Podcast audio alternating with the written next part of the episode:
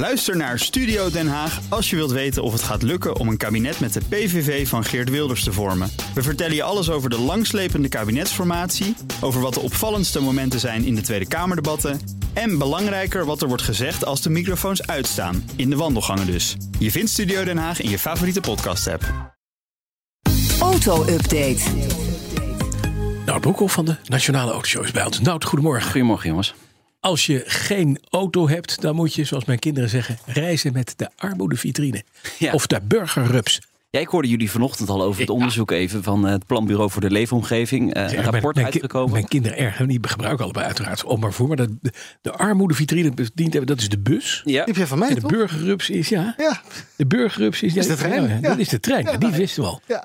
Maar de, de armoedevitrine komt heel van jou. Ja, die is Heel erg. Ik vind het stigmatiserend. ja, dat Eh, is het ook. Is het ook, Zo is het ook bedoeld, dus dat komt goed Dat is aan. bedoeld, ja. ja. Zegt iets over de stand van het openbaar vervoer. Nee, maar ga maar- verder, PBL, hè? Zonder auto ben je gewoon een arme ziel in Nederland. Dat, dat zeggen we eigenlijk iedere maandag en vrijdagochtend in de auto-update. Maar ja, goed, je bent vaak langer onderweg. eh, maakt het eh, ook vaak lastig om op je werk te komen als je geen auto hebt of bepaalde voorzieningen te bereiken. En volgens onderzoeker Joen Bastiaanse is er sprake van een aanzienlijk verschil in bereikbaarheid in Nederland. Mensen met toegang tot een auto hebben veruit de hoogste bereikbaarheid van voorzieningen en banen. Zelfs in de spits. Terwijl mensen die zich moeten verlaten op bijvoorbeeld openbaar vervoer, fietsen of lopen.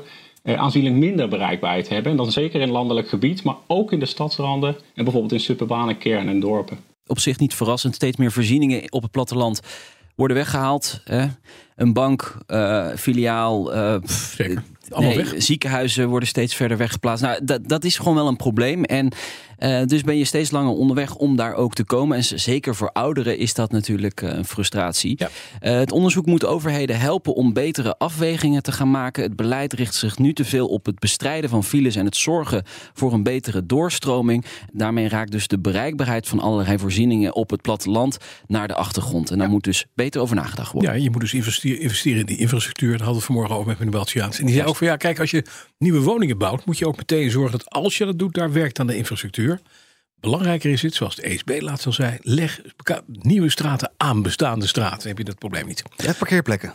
En parkeerplekken. Oh ja. Voorlopig verschijnen er geen advertenties van General Motors op Twitter. Ja. Net begrijp ik wat de baas van, eh, van Twitter is Musk. Ja, nee, dat is inderdaad ook de reden. En het automerk zegt dat het in gesprek is met Twitter om de richting van het platform onder zijn nieuwe eigenaar, Elon Musk dus, te begrijpen. Dat is een normale gang van zaken, zegt eh, GM, eh, omdat er sprake is van een aanzienlijke verandering bij een mediaplatform. Dus bij welk platform dan ook het was gebeurd, dan hadden ze die advertenties opgeschort. Dus voorlopig geen advertenties van General Motors op eh, Twitter. Ze reageren nog wel op tweets. Ze zetten zelf geen tweets online. Zo heb ik ontdekt de afgelopen dagen. Maar ze reageren wel op mensen die een vraag stellen aan General Motors. Dat doen ze dus wel. Vaak zijn het klachten. Moet je toch even op reageren natuurlijk. Eh, want, eh, want anders worden mensen boos. Zeker. Dan breidt Tesla, we hadden het wel even over Tesla. maar Tesla zelf zich verder op eh, verdere uitbreiding van zijn fabriek in Berlijn uit. Hoe Ja. gaan ze dat doen dan? Ja, Tesla kapte 70 hectare eh dennenbos daar eh, bij de fabriek. Eh, dus ja, de, dat staat eigenlijk gelijk aan eh, nou, zo'n 100 eh, voetbalvelden. En ehm, ja, het doel is om de productie dus bij Berlijn eh, verder te gaan uitbreiden. En volgens Tesla zijn de vergunningen voor het vrijmaken van de benodigde grond al verkregen. Dus daarom zijn ze nu alvast begonnen met die 70 hectare dennenbos weghalen. Klinkt wel heel duurzaam, hè? Dat je eerst bos oplost om daar auto's te gaan bouwen. Nou, dat wilde ik net gaan zeggen. Ja. Nou. Nou ja, we hebben het hier ook in Nederland gezien. Hè. VDL Netcar heeft ook een heel bos weggehaald.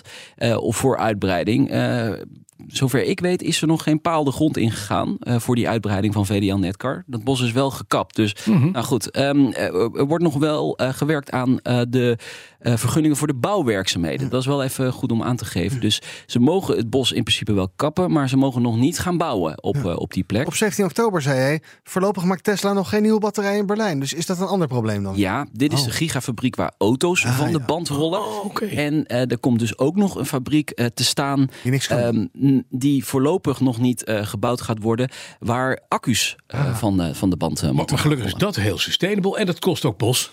Ja, precies. Goed. hij rijdt op bos. Ja. Goed. Ja. Ja, ze, zijn die, ze zijn die gigafabriek wel echt aan het opschalen. Hè. Ze maken nu 2000 Tesla's Kan per week. Bolsonaro daar aan de slag. Je houdt wel van de bomen kappen. Ont Bolsonaro. Goed, we gaan verder. Turkije heeft een eigen elektrische auto gepresenteerd. Ja, het eerste model van de, de Toch is eh, van... eh, De de, Toch? De Toch, ja. Het is hem toch? Ja, het gaat hem zeker worden. Eerst overhandigd aan Hans van der... Nee, nee. nee. eh, de, nieuwe trots van de Turkse president Erdogan, de, de, de autofabriek, is, eh, is geopend eh, dit weekend. Ehm, ja, hij, met het eigen merk eh, willen ze de economische successen van Turkije aanstippen.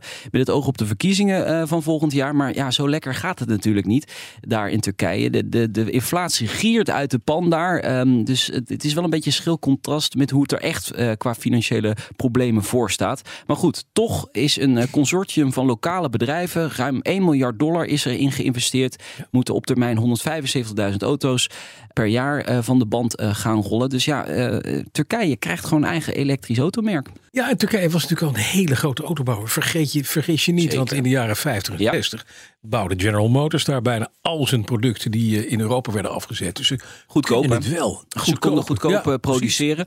En ik moet zeggen, het ziet er niet heel slecht uit, Nee, de niet. auto's. Nee. En eh, ja, ze, ze rollen nu dus van de band. Hele grote schermen in het interieur. Weet je wat, ik zet straks wel een fotootje op eh, bnr.nl slash auto-update. Ja, en, en, en toch, de neus is lelijk. Dat dan weer wel. de neus is niet zo heel erg Nee. mooi. Rijkswaterstaat waarschuwt voor een drukkere avondspits. Waarom Ja, nou? dat komt door de, de wintertijd. Uurtje eerder donker in de Oh, avondspits. ja. En dan, ja, dat eh, is even wennen voor veel mensen. Het, eh, het zicht in het donker is altijd net even iets minder. Is het dan ook gevaarlijker? Ja, zegt de SWOF. In het donker gebeuren zo'n drie keer zoveel ongelukken dan eh, ja, als het licht is. Dus ja, ehm, ook meer ongelukken dus eh, verwacht. Maar eh, gewoon goed afstand houden vanavond in het donker. En dan rustig weer wennen zo in de week. Mensen zijn weer terug van vakantie. Ja. En dan komt het vast wel weer goed. Toch, Toch? toch, toch wennen. toch. Over toch, weet je, dit zou de auto moeten zijn voor het gewone Turkse gepeupel. Hè? Ja, toch wel. Weet je die kost? Ja. 50.000 euro. Zo. Maar gaan we, Ik zie net dat we plaatje. niet heel halen? veel scherm voor. Ja, dat van links tot ja, rechts. ja, het is ja. een groot scherm. Ja. Een groot scherm in- in het interieur, ja. dat, dat Is dat een slogan? Nee, Oh, toch nog niet. Dus toch? dus, dus toch. Lauw, jongens. Je wint de wijskast. Dankjewel. Het is weer maandag, hoor. Ja, het is maandag. De auto-update wordt mede mogelijk gemaakt door Leaseplan. Leaseplan. What's next? Ook Liesbeth Staats vind je in de BNR-app. Ja, heel handig. Luister live naar Kees en mij tijdens de Daily Move. Dan blijf je ook gelijk op de hoogte van breaking news en het laatste zakelijke nieuws. En daar vind je ook alle BNR-podcasts, waaronder de Perestrooikast. Download nu de gratis BNR-app en blijf scherp.